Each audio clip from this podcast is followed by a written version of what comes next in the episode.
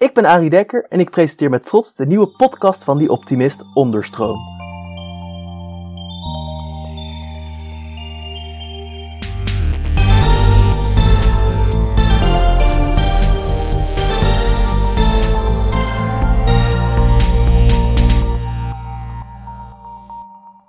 Hallo iedereen! Zoals altijd bieden wij om de week een podium aan mensen en ideeën die meer aandacht verdienen.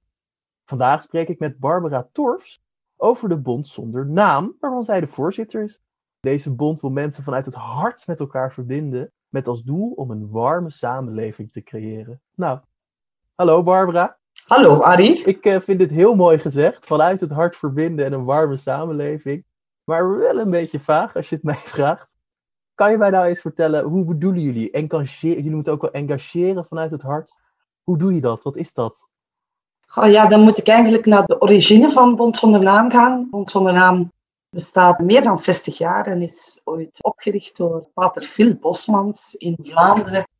Is dat een ronkende naam en iedereen kent Bond zonder naam en de spreuken van Bond zonder naam. Jouw vraag, uh, ja, je hebt onze missie eigenlijk heel goed verwoord. Wij hebben aandacht voor datgene of diegene die niet gezien worden in onze samenleving. Wie zijn dat? Dat zijn verschillende doelgroepen natuurlijk. Dat zijn mensen die eenzaam zijn. Dat zijn kansarme mensen. We hebben het ook over humane detentie, belangrijke pijler van Bond zonder naam. We hebben het over mensen die hier terechtkomen zonder papieren. Dus ja, de mensen die het minder hebben in onze samenleving, en die willen wij verbinden met elkaar. We doen dat op verschillende manieren, als dat jouw vraag is. Ja, we doen op de eerste plaats aan een stuk sensibilisering door de welbekende spreuken van Bond zonder naam, die dus ook al 60 jaar meegaan en die bij meer dan 100.000 mensen om de twee, drie maanden in de bus vallen. Vandaar dat het ook zo gekend is. Maar mensen vragen mij ook heel vaak, zoals jij nu ook, van, ja, is Bond zonder naam meer dan spreuken? En dat zijn wij inderdaad. We zijn meer dan spreuken. Heel regelmatig zijn er campagnes, activatiecampagnes. Bijvoorbeeld nu voor volgend jaar. De komende drie jaar zal het echt over eenzaamheid gaan. Waar wij dat thema, dat vandaag ook heel relevant is natuurlijk in coronatimes, in de picture zetten. Dat begint dan met een zeer grondig onderzoek van wat is eenzaamheid, wie is eenzaam, hoe uitzicht dat, verschillende types eenzaamheid. En daarop gaan wij dan campagnes uitwerken. Naast campagnes en naast sensibilisering hebben wij ook nog een aantal echte projecten lopen. Wij hebben een groot sociaal project in Antwerpen, het Kansenhuis, waar mensen terecht kunnen voor advies en voor ook gewoon een babbel en steun en raad. En bijvoorbeeld ook de sociale kruidenier in Antwerpen, nu Bond zonder naam. Destijds heeft het idee van de sociale kruidenier gelanceerd. Dat is voor mensen die het echt veel minder hebben, de kansarme mensen die het veel minder hebben. En die kunnen daar shoppen tegen prijsjes, bewust niet gratis. Ondertussen is dat project ook uitgerold over heel Vlaanderen, is dat een zelfstandige VZW geworden en staat dat gebleven. Nou, die heeft al heel veel informatie, echt super. Ik uh, wil het namelijk straks ook heel graag nog gaan hebben over jullie specifieke initiatieven. Want ik denk dat jullie een hele grappige verhouding hebben tussen inderdaad echt heel fysieke acties, zoals dus bijvoorbeeld kansenhuis, maar ook workshops, maar ook een soort van nou, streetachtige acties, dat je gewoon op straat zegt, we doen hier nu iets. Dus ik denk dat dat dan heel cool is. Maar laten we nog heel even. Ik ben namelijk wel geïnteresseerd in nog steeds een beetje jullie, jullie kern, als het ware. Dus engageren Mhm. vanuit het hart. Dus ja, dus een hartconnectie. En het grappige namelijk, wat ik een beetje merk, is dat jullie heel erg, nou, als centraal hoe dat moet gaan gebeuren, zien het creëren van ontmoetingen. Dus een ontmoeting creëren. Ja. Maar dan vraag ik me natuurlijk af, waarom is ontmoetingen dan zo belangrijk om mensen, ja, harte, hartenconnecties te creëren? Ja, ik denk, ehm, ja, dat is een beetje een gekke vraag in eh coronatimes. Hè? Ik denk dat we allemaal ondertussen wel weten wat ontmoeten met ons en met anderen doen. Dus ik denk dat dat de essentie is van ook echt voelen. En echt elkaar, ja, ja, elkaar voelen. Een stuk empathie. Een stuk luisteren is ook heel belangrijk in ontmoetingen. Ja, aandacht hebben voor mensen. En ik geloof dat aandacht en voelen en verbinding, ja, dat ontstaat tijdens ontmoetingen. Ja, ik denk dat je dat heel mooi zegt. Dus eigenlijk misschien een beetje wat jullie kern dan is. Dus tot een ontmoeting zoiets persoonlijks en zoiets, nou ja, dan zie je het opeens dat dat dan ook meteen een connectie schept. Mhm. Hoe helpt dat dan bijvoorbeeld tegen eenzaamheid? Dat je het probleem dan ziet? Of Ja, dat is, een, eh, dat is een mooie vraag, omdat niet toevallig. Ja, het gaat vandaag veel over eenzaamheid. En net nog vorige week hebben we een mooie campagne gehad rond eenzaamheid in samenwerking met Radio 1, dus radio in, in Vlaanderen. En daar werd het initiatief van de belcirkels geïntroduceerd. En ja, dat zijn mensen die echt eenzaam zijn. En je gelooft het niet, maar er zijn mensen die echt alleen zijn en die niemand hebben om eens een praatje te slaan. En die mensen proberen wij nu, het fysiek niet kan, door met elkaar te linken in een soort cirkel, in een belcirkel, waar de mensen één iemand moeten opbellen en zelf door één iemand gebeld worden. En dus ja, daar is gewoon ongelooflijk behoefte aan, hè, blijkbaar. Vorige week die campagne, ja, er zijn honderden telefoons geweest. Je staat versteld. We hebben vooral wel oudere mensen gehoord. Dat heeft ook met de radiozender te maken natuurlijk.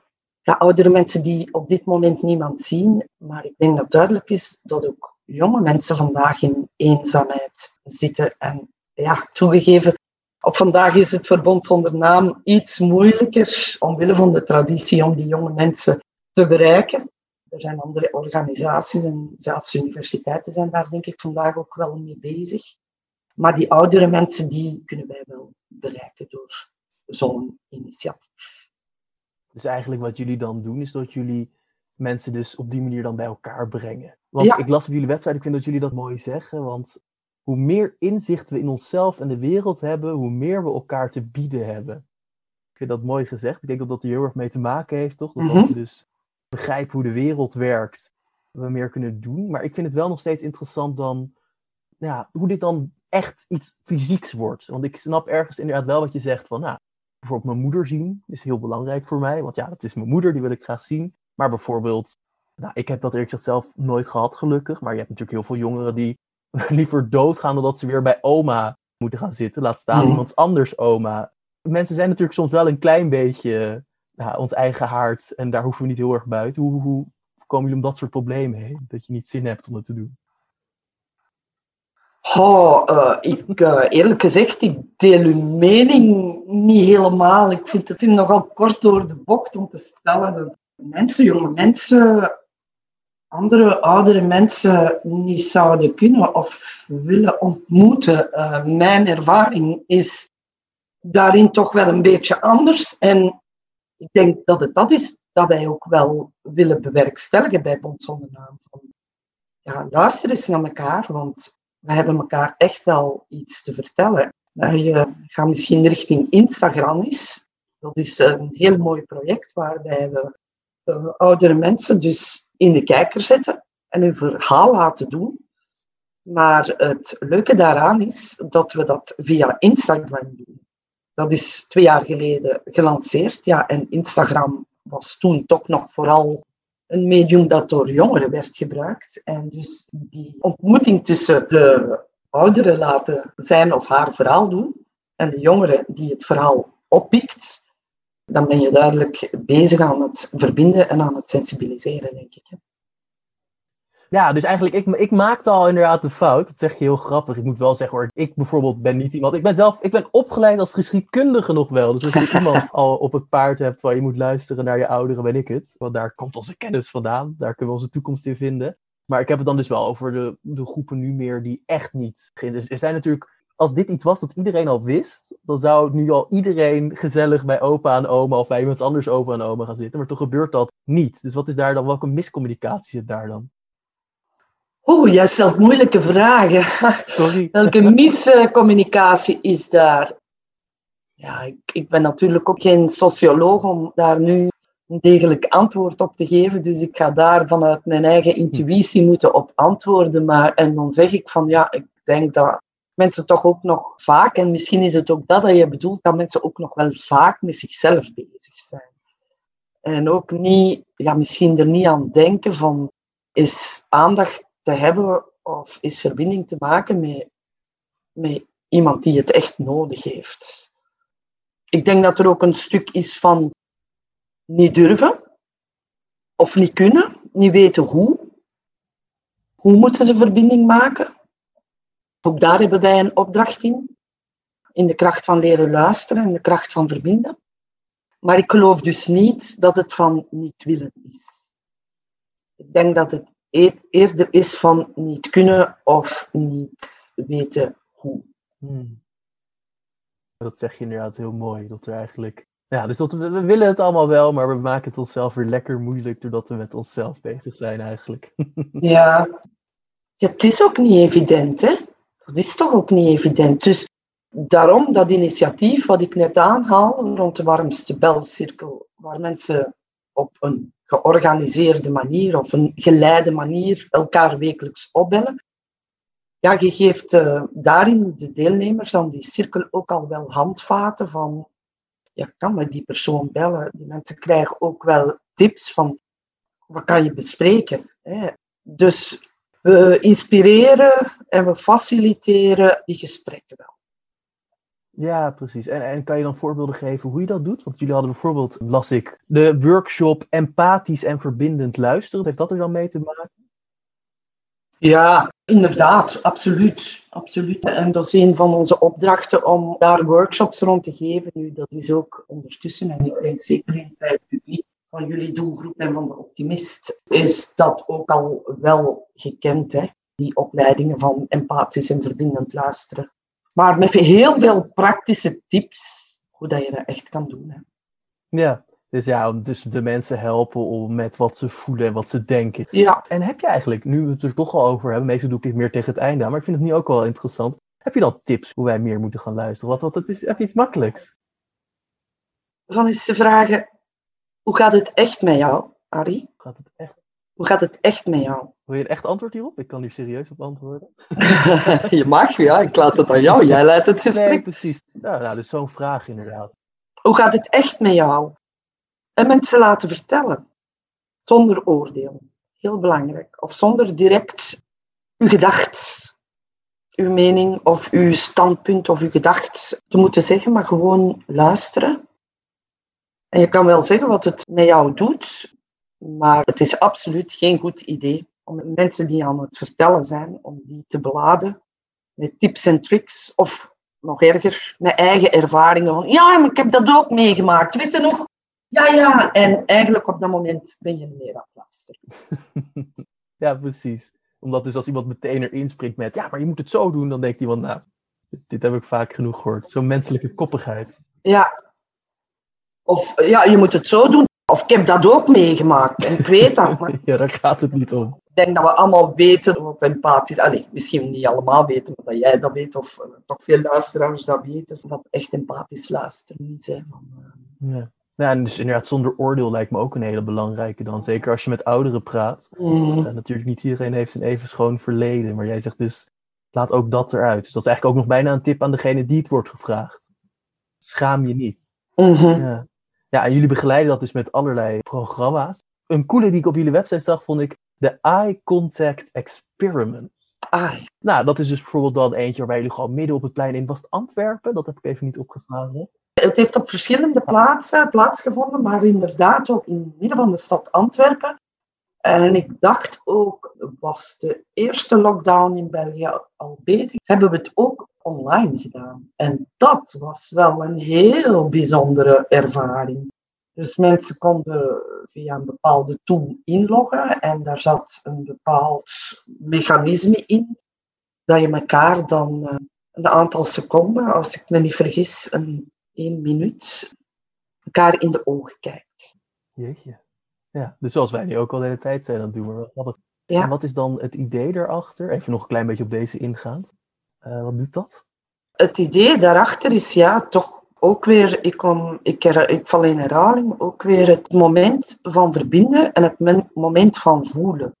Nu, ik heb zelf ook meegedaan met die eye contact moments en dat is echt heel bijzonder.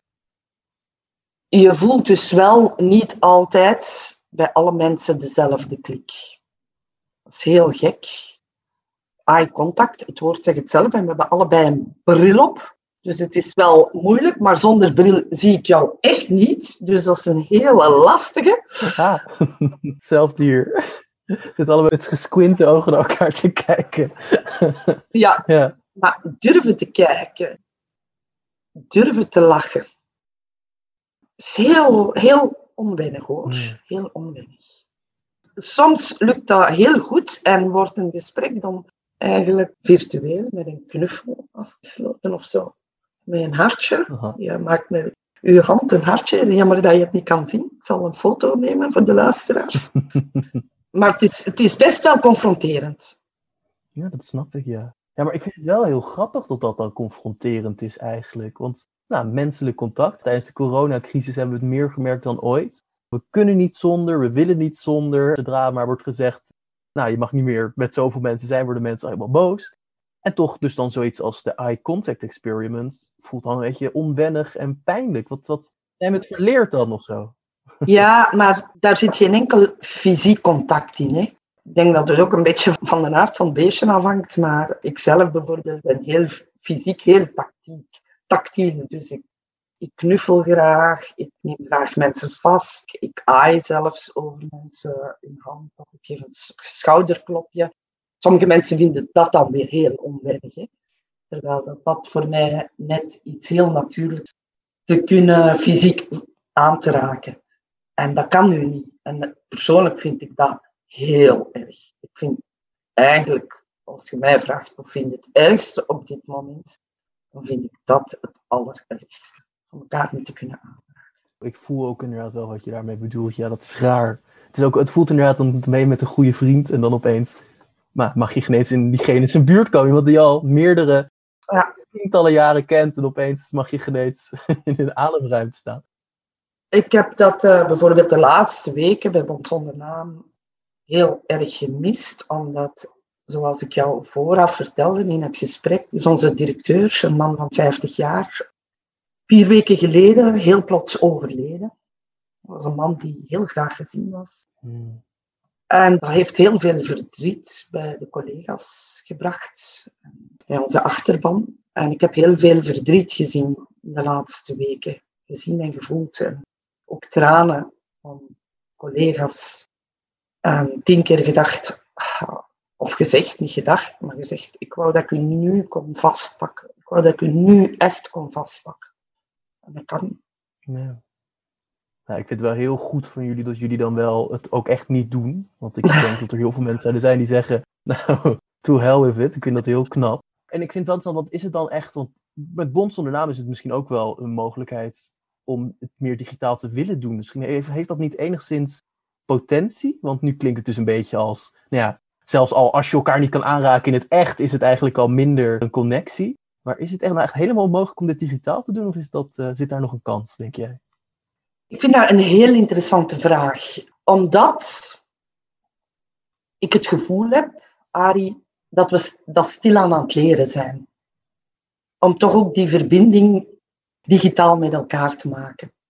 En ik moet eerlijk zeggen, in maart, bij de eerste lockdown, vond ik het gruwelijk om digitaal te meeten. Maar we hebben ons de tool van de Zoom of de Skype of de Teams, we maken ons die eigen. En ik merk dat daar een heel grote evolutie in zit, waardoor dat het toch mogelijk wordt om echt te connecteren.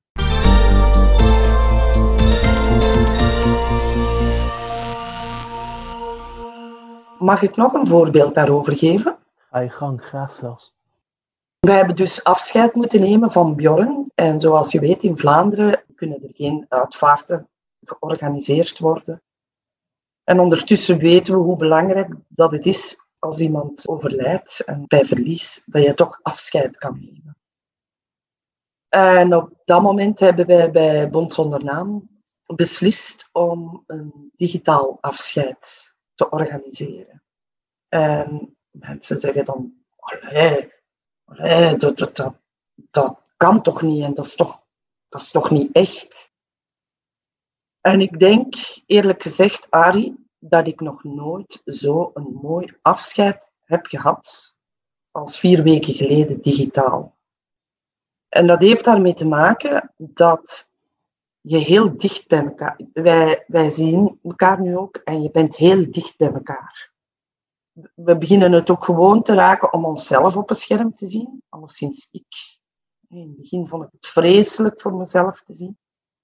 Maar los daarvan, ja, want je kan jezelf ook weg, wegklikken. Maar dat was met 50 mensen en ik zag al die gezichten en ik zag al die emoties en dat was zo intens. We leren ook dat met die tool het gebruik van muziek, de kracht van muziek om te verbinden, ook een hele belangrijke. De kracht van taal, van mooie woorden. En op een of andere manier komt dat, of kwam dat bij mij krachtiger binnen. Ik, in Vlaanderen worden mensen nog in een kerk begraven, dikwijls. Of in een stijf auditorium, waar dat ze dan een beetje, ja, waar dat die ceremonie toch, toch nog heel vaak heel stijf verloopt. En ik moet zeggen, in die digitale afscheidsviering viel dat helemaal weg. En ik voelde mij heel geconnecteerd met mensen. Dus als jij vraagt, zit daar nog rek op om toch iets te doen, digitaal en verbinden? Mijn antwoord daarop is ja. Ja, absoluut. Maar we moeten erin oefenen, we moeten er ons eigen in maken. Misschien heb jij ook al zo'n schat met jouw familie. We hebben laatst mijn opa, allez, onze opa, mijn vader van 87 jaar, installeren die man dan voor zijn computer met de apps en de toestanden en dat lukt dan wel. Ja, dat is, dat is, dat feest. Dat is gewoon terug feest voor die man. Ik hoor ook, vorige week zat ik in een sessie met een vijftiental life coaches en die zeiden eigenlijk net hetzelfde. Dat het echt goed begint te werken om met cliënten, coaches, verbinding te maken over het scherm. Ik weet niet wat dat jouw gevoel daarbij is. Ja, ik, ik vind het heel grappig hoe jij het zegt, want zo, dat heb ik inderdaad ook wel meegemaakt. Het is grappig altijd hoe wij ons kunnen aanpassen maar aan alles als mens. Ik bedoel, we kunnen een uh, nucleaire ramp volgens mij ook gewoon overleven namelijk, als dat ooit zou gebeuren. En ook met dit, ja, ik moet wel zeggen, het voelt een beetje wat verwarder aan mijn kant. Toch een beetje persoonlijk, maar ja. Uh, als, je snapt, als je een beetje snapt wat ik bedoel, dus bijvoorbeeld als je de hele tijd maar alles via zo'n meeting moet doen, voelt het toch een beetje is een beetje de rekker uit. Dus je moet wel heel erg strak en punten maken. Maar het is wel, nou, wat je ermee wint, vind ik persoonlijk heel fijn. Maar ik ben ook iets meer misschien een zelfmens. Ik ben iets meer van mezelf, op mezelf. Dus dan is dat ook wel makkelijk opgelost. Vind ik grappig iedereen, maar ah, coronacrisis is verschrikkelijk. En ik zie en ik zit ernaar, ik vind het wel lekker. Ik zit lekker thuis. Maar nee, maar ik, ja, ik snap wel heel goed wat je bedoelt. Het is, het is grappig hoe dat inderdaad nu langzaam toch wel echt bijna een beetje voelt als een echte connectie, ook al is het artificieel. Ja. Ja, echt. Allee, dat is mijn gevoel. Hè. Ja, ik deel het met je dus. We hebben elke week personeelsmeeting via Zoom. Mhm. En eigenlijk doen wij even goed het rondje binnen de Zoom. Mhm. Van hoe gaat het echt met jou? Vertel eens, hoe was jouw week? Ehm, er is ook discipline. Hè? Met de mute-knop kunnen mensen doen zwijgen ook. Uh, dus is soms een interessante voor mij, want ik babbel veel. Ik vind het wel heel intensief. Ik vind het zeer vermoeiend. Omdat je toch wel veel prikkels krijgt. Ja, ik denk dat, dat, dat, dat bedoelde ik inderdaad ook. Die prikkels, ja. ja. ja. Sociale kracht zie ik altijd een beetje als een batterij. En bij mij gaat de batterij een stukje sneller leeg als het digitaal moet. Je moet iets meer... De vraag is, allee, wat zijn de prikkels? Hè? Bij mij zijn de prikkels van elk gezicht van elke mens te zien, van elke emotie ook op dat scherm te zien. Dat maakt het voor mij als ik, een sensitief persoon wel heel vermoeiend. Um... Nee, dat snap ik ook wel, ja. ja.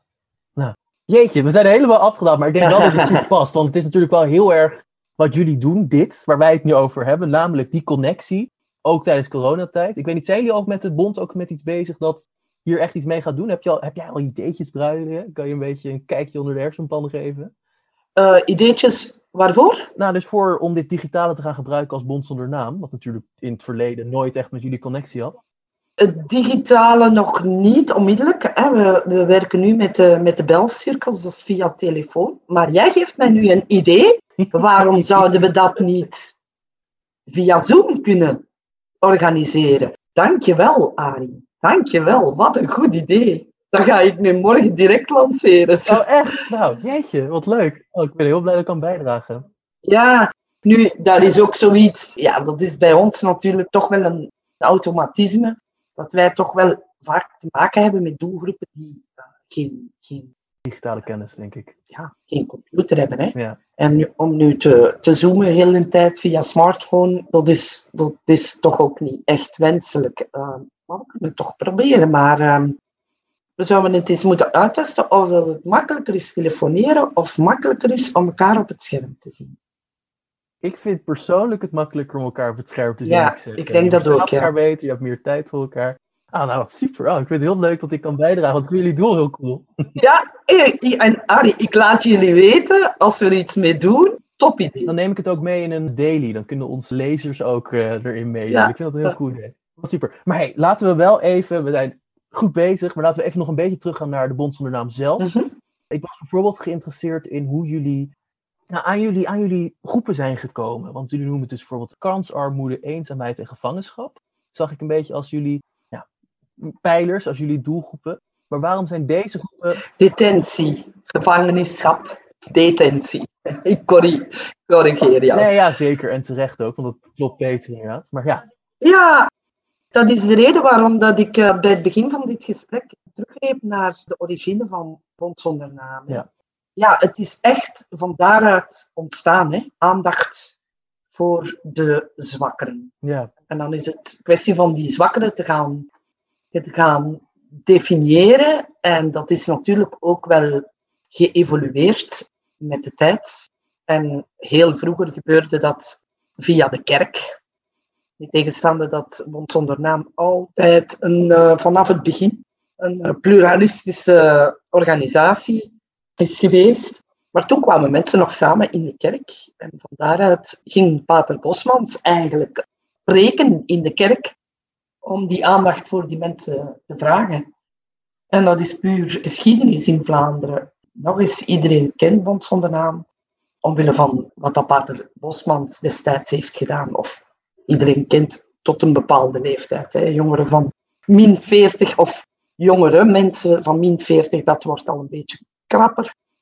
En hoe dat wij dan ja, die aandacht blijven vragen, dat is, dat is wat ik vertel. Hè. Door campagnes, door vorming, door sensibilisering, door communicatie, door in media op gevoelige dossiers hamertje te blijven kloppen en aandacht te vragen door die campagnes en acties. Ja, ja, wat ik ook eigenlijk meer doel, dat is eigenlijk misschien dat ik dat meteen zeggen, ik vind vooral eigenlijk de detentie vind ik zo uniek. Want ik hoor niet zo heel vaak ja, natuurlijk wel in films zie je toch wel eens langskomen, dat soort dingen. Maar ik vind dat zo'n unieke focus. Dat bedoel ik eigenlijk meer. Dus zijn jullie bijvoorbeeld dan ook daarop gekomen? Want ik vind natuurlijk inderdaad ouderen die eenzaam zijn, vind ik een hele makkelijke. Maar... Ook daar is eigenlijk van begin af aan heeft Pater Bosmans ook rond die humane detentie gewerkt. Dat ging over ja, kaartjes schrijven naar de gedetineerden, we hebben ook een project rond Traliepost, waar dat uh, gedetineerden kunnen communiceren met mensen van buiten. Dus dat is een geoliede organisatie, en dat heb ik ook nog niet gezegd, die helemaal gestoeld is op vrijwilligers. Dus met dank aan onze honderden vrijwilligers die daaraan meewerken. Ja, regelmatig doen we ook een actie dat we vragen bij bevriende bedrijven of dat zij giveaways of attenties kunnen bezorgen bijvoorbeeld nu, uh, gisteren nog, kreeg ik als collega die vroeg van de gevangenisdirecteur van uh, Hasselt heeft gebeld. Hebben jullie geen kaartjes over bij Bond zonder naam? Want we hebben ook heel mooie kaarten. En kan Bond zonder naam geen mooie kaarten missen, want wij zouden aan elke gedetineerde een kaart willen geven die hij naar iemand kan hij of zij naar iemand kan schrijven. Dus dat is heel concreet. Hè? Dat is heel, allez, concreter kan het haast niet. Hè. Dus ook de kalender die, jaarlijks wordt verdeeld. Ja, de, een aantal mensen kijkt daar dan op dat moment echt naar uit. Want mm -hmm. gevangenis, dat weten we, de, de, tijdsperspectief valt weg. Dus een kalender is nu met de digitale en de smartphone zal dat ondertussen ook wel wat achterhaald zijn. Maar dat zijn dingen die we doen. Dus eigenlijk, ik denk inderdaad dat ik nu een beetje begin te begrijpen. Ik vond het een beetje moeilijk om voor mijzelf om in te schatten wat nou precies dan kansarm was. Of kansarmoede. Maar dat is eigenlijk wat het idee is. Zijn gewoon mensen die dreigen, ja, als je de maatschappij als een plaatje ziet, eraf te vallen. Gewoon dus doordat ze nou, worden geïsoleerd. Want dat is natuurlijk wat detentie doet, is iemand bewust isoleren. Of dus een oudere, die dus niet meer bijvoorbeeld in een bedrijf werkt. En daardoor dus eigenlijk steeds meer om zich heen hun vrienden zien sterven. En die proberen dus allemaal eigenlijk er weer terug in te trekken. Ja, ja super. Dat heb jij heel mooi gezegd. Nou, gelukkig. Rond uh, detentie is er ook nog het project Prison Talk geweest, waarbij ja, ex-gedetineerde getuigen. Ik heb daar zelf ook een aantal van meegemaakt en dat is ook heel heftig. Heel, heel heftig. Waar mensen getuigen hoe dat ze in die miserie zijn geraakt, hoe dat ze misschien ook zijn uitgeraakt. Want diegenen die dan kunnen getuigen, they are the lucky ones. Maar de basis van die ontmoetingen zijn van ja, ook weer niet te snel te oordelen en te luisteren naar elkaar. En iemand ook een tweede kans te geven of een derde kans. Ja, dat is natuurlijk ook wel een moeilijke met mensen die in de gevangenis hebben gezeten. Mhm. Want doen jullie daar ook nog iets anders mee bijvoorbeeld? Dus dat je mensen proberen weer aan een baan te helpen? Want ik las ook wel tot bij dat Prison Talk ook echt begeleiding zit? Ja, maar dat doen we eigenlijk in samenwerking met andere organisaties. Oh, precies. Ja, er, er zijn bepaalde samenwerkingsverbanden met andere organisaties waar dat wij dan een deel in bijdragen en andere dan Tuurlijk. Ik denk ook eerlijk gezegd, als je gewoon, zolang je maar een centraal punt hebt waar ze heen kunnen en weet wat je verder met ze aan kan, denk ik dat je ook al meer dan genoeg doet. Ja. Hey, en ik vind het ook nog wel even leuk om het toch iets meer over het kansenhuis te hebben. Want ik vond dat heel mooi klinken. Inderdaad, bijvoorbeeld dus jullie sociale kruidenier met de lagere prijs, maar ook gewoon aan zich. Want jullie doen ook wel meer. Jullie gaan ook namelijk heel erg in een soort van. Nou, jullie helpen deze kansarme mensen ook. Dus het is niet alleen maar mij vertellen, de niet-kansarme tiener die nog helemaal overal in zit hoe ga je om met iemand die kansarm is? Klopt helemaal. Maar hoe help je iemand die dan kansarm is? Wat vertel je bijvoorbeeld dan ja, een oude dame? Ja, de, het kansenhuis heeft natuurlijk verschillende werkingen. Er is een psychosociale hulp sowieso, juridische hulp. Ja, mensen moeten woonst hebben, papieren moeten in orde gemaakt worden. Taal is ook een heel belangrijke natuurlijk. Hè. Dat spreekt voor zich. Veel mensen die weinig of geen Nederlands spreken. Voor alle duidelijkheid, wij vinden het belangrijk dat mensen de taal leren. Er worden dus ook taallessen gegeven, vanzelfsprekend. Maar wat ik eigenlijk uh, het mooiste en het krachtigste vind aan het kansenhuis, als ik er kom, dat is dat het is een ontmoetingsplaats en mensen, het is een in- en uitloophuis, mensen kunnen er terecht, maar het is ook een ontmoetingshuis. En ik heb zelf gevoeld dat ja, het feit dat die plek daar is, dat dat ook wel zin geeft aan het leven van die mensen die daar komen. Die voelen zich gezien en die voelen zich voor een stukje nuttig als ze kunnen helpen. Of, of, hè, want ook heel die sociale kruidenier, natuurlijk zijn dat mensen die daar, die daar helpen. Maar bijvoorbeeld hè, regelmatig, of toch een paar keer per jaar, nodigt het kansenhuis een groep geïnteresseerden uit. En dan mogen de gasten van het kansenhuis koken dan voor ons. Ze krijgen een budget en dan koken ze voor ons. En dan ontstaan er tijdens het eten ontstaan er weer gesprekken. Ja, en dan sta je verbaasd. En dat zijn zowel mensen van vreemde origine als mensen van hier bij ons, die ooit ja, in, heel slechte situaties hebben gezeten, rond familiaal geweld, druggebruik, noem maar op. Ziekte, kan ook. Dan wel ja, echte vluchtelingen die, die ook op een of andere manier eh, ja, tussen de mazen van het net vallen. en echt in armoede leven. Scheidingen. Ik denk, ik vind dat heel mooi klinken. Dus eigenlijk wat jullie echt gewoon doen, waar je meestal als zo'n organisatie zou zeggen, of je neemt alleen de kansarme mensen, of je neemt alleen maar nou, de mens zelf. Dus andere mensen, de groep die hem uitstoot. Jullie nemen eigenlijk gewoon allebei de kanten, helpen allebei de kanten en brengen die samen eigenlijk in die drie. Ja, dankjewel. Een hele belangrijke pijler. En ik had dat eigenlijk al bij het begin van het gesprek moeten zeggen. Maar dat is een heel belangrijke pijler dat wij streven naar die gelijkwaardigheid. Hè. Dat het niet vanuit een positie is dat de niet-kansarme de kansarme helpt, maar dat we streven naar een gelijkwaardige positie waarin dat de mens in kansarmoede ja, zich evenwaardig en even goed gezien wordt als de andere persoon. En door het delen van die ervaringen leer ik, en als ik kan zeggen tegen die persoon die ik ontmoet in het kansenhuis, van wauw, bedankt, je hebt mij vandaag iets bijgebracht, je hebt mij vandaag de ogen en de oren geopend, dat is een hele, hele, hele belangrijke. En zo niet de belangrijkste pijler dat is die gelijkwaardigheid. Dus en daar had ik eigenlijk moeten mee beginnen. gelijkwaardigheid, ja. Ik vind het ook wel natuurlijk een heel logisch. Ja, want daardoor ontstaat het dat mensen uit de maatschappij vallen, als het ware. Ha, is, is dat zo logisch? Ik denk, ja, ik, want dat is, dat is echt de kern, hè. Want er zijn heel veel goede doelen en, en er gebeurt heel veel en solidariteit is heel groot. Maar het is heel vaak van het geven diegene die het goed heeft, geeft aan diegene die het minder goed heeft. En laat mij duidelijk zijn, dat is nog altijd zeer goed en zeer nobel. Maar is het geen fantastische gedachte van diegene die het minder goed heeft, dat hij misschien ook iets kan geven aan diegene die het goed heeft. En ik denk dat daarin wij toch redelijk uniek zijn. En dat om die reden de woorden als verbinding, luister naar elkaar, dat ik die misschien 10, 20, 30 keer in dit gesprek heb herhaald. Ja, ik, ik weet dat je dat heel mooi zegt. En ja, het is grappig, ik heb net een toneelstuk van uh, Nasruddin Deshar gezien. Ik zeg het voor mij heel plat dit, dus dat, daar bied ik alvast Nasruddin de excuses voor aan. en hij zei dat ook heel mooi, dat het inderdaad niet gaat. Bijvoorbeeld, dat ging dan bij hem dus erover. Zij gingen naar carnaval toe, hij en wat vrienden. En hij was dus een, uh, nou, van dus buitenlandse afkomst. En zijn vrienden waren allemaal gewoon platte Friesen, als het ware. En die zeiden gewoon, uh, maak zo'n grap van, oh, ik, ik, kan mijn portemonnee niet vinden. Nazardien, uh, wat heb jij daar gedaan? Ja, ja. En dan zegt hij, ja, dat het niet eens per se om gaat dat je zegt van, oh, ik vind het kut dat ik zo tegen je doet.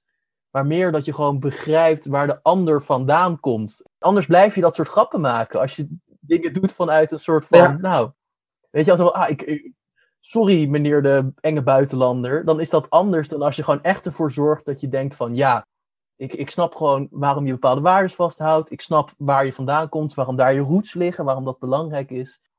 En dat dus, dat, en ik denk dat jullie dat ook heel erg willen doen met dat gelijkwaardigheid, toch? Dat het dus niet inderdaad wordt dat je denkt, uh. die arme zielige meneer de gevangenis, die ga ik even, die stuur ik even een tientje en een, een dikke duim. Ja, en dus eigenlijk had het gesprek omgekeerd moeten gebeuren, hè, Ari? Want als we vanuit die gelijkwaardigheid beginnen en we zakken dan af naar al de projecten en al de dingen die we doen, dan ga je zien dat dat verhaal telkens klopt. In wat dat we ook doen. Dus kunnen we het gesprek omdraaien of kan je zodanig monteren dat. ik denk eerlijk gezegd dat het extra leuk is om het gewoon zo te laten. Dus dit zeg ik nu ook aan onze luisteraars. En dan kunnen onze luisteraars het nog een keer gaan luisteren. En kijken of ze dat terug horen. Dan heb ik ook meteen mijn tweede download te, te, pakken. Ik denk ook wel dat het juist goed is om dit als conclusie te hebben ergens. Het voelt goed. Ik denk dat het helemaal goed komt. Maar dus, we hebben heel wat dingen besproken. Hè? De Instagram is, mm -hmm. Talk, Traliepost, Kansenhuis, Sociale Kruidenier eye contact. Ik denk dat je telkens die layer hebt van gelijkwaardigheid verbinden, echt voelen, luisteren, authenticiteit voor mij ook, empathie. En het mag ook soms heel plezant zijn. Daar ga ik dan mee eindigen. Want uh, het is soms ook heel prettig en ook dat de, de zwaarte is iets, maar het mag ook gewoon prettig zijn om samen te zijn met andere mensen en, en te lachen en, en, over de small things te kunnen praten. Hè. Helemaal mee eens. Prachtig. Nou, heel erg bedankt. Ik vond het echt heel interessant.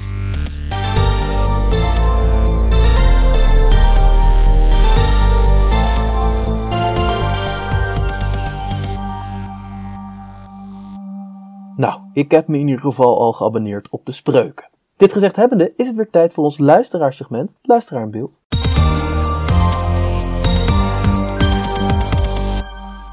Deze week vertelde Yvonne over hoe de podcast haar van gedachten deed veranderen.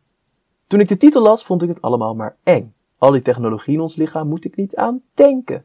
Maar Peter vertelt het goed en nuchter en neemt alle kanten in beschouwing. Ook vond ik zijn advies om gewoon maar gezond te leven uiteraard een aanrader. Yvonne staat dus open voor vernieuwing, maar blijft gelukkig wel trouw aan haarzelf. Als dit de eerste podcast is die je van ons hoort, kan je via onze website, Spotify of welke plek je dan ook graag podcast luistert, de hele podcast over biohacking luisteren, waar dit een reactie op was. In deze podcast vertelt Peter Joost over het futuristische en niet zo futuristische aan biohacking en hoe het nu al deel is van ons dagelijks leven. We zijn er over twee weken weer, maar in de tussentijd hoef je natuurlijk niet met je duimen te gaan zitten draaien. Zo kan je het nieuwste nummer van die Optimist 196 lezen met het thema trouw.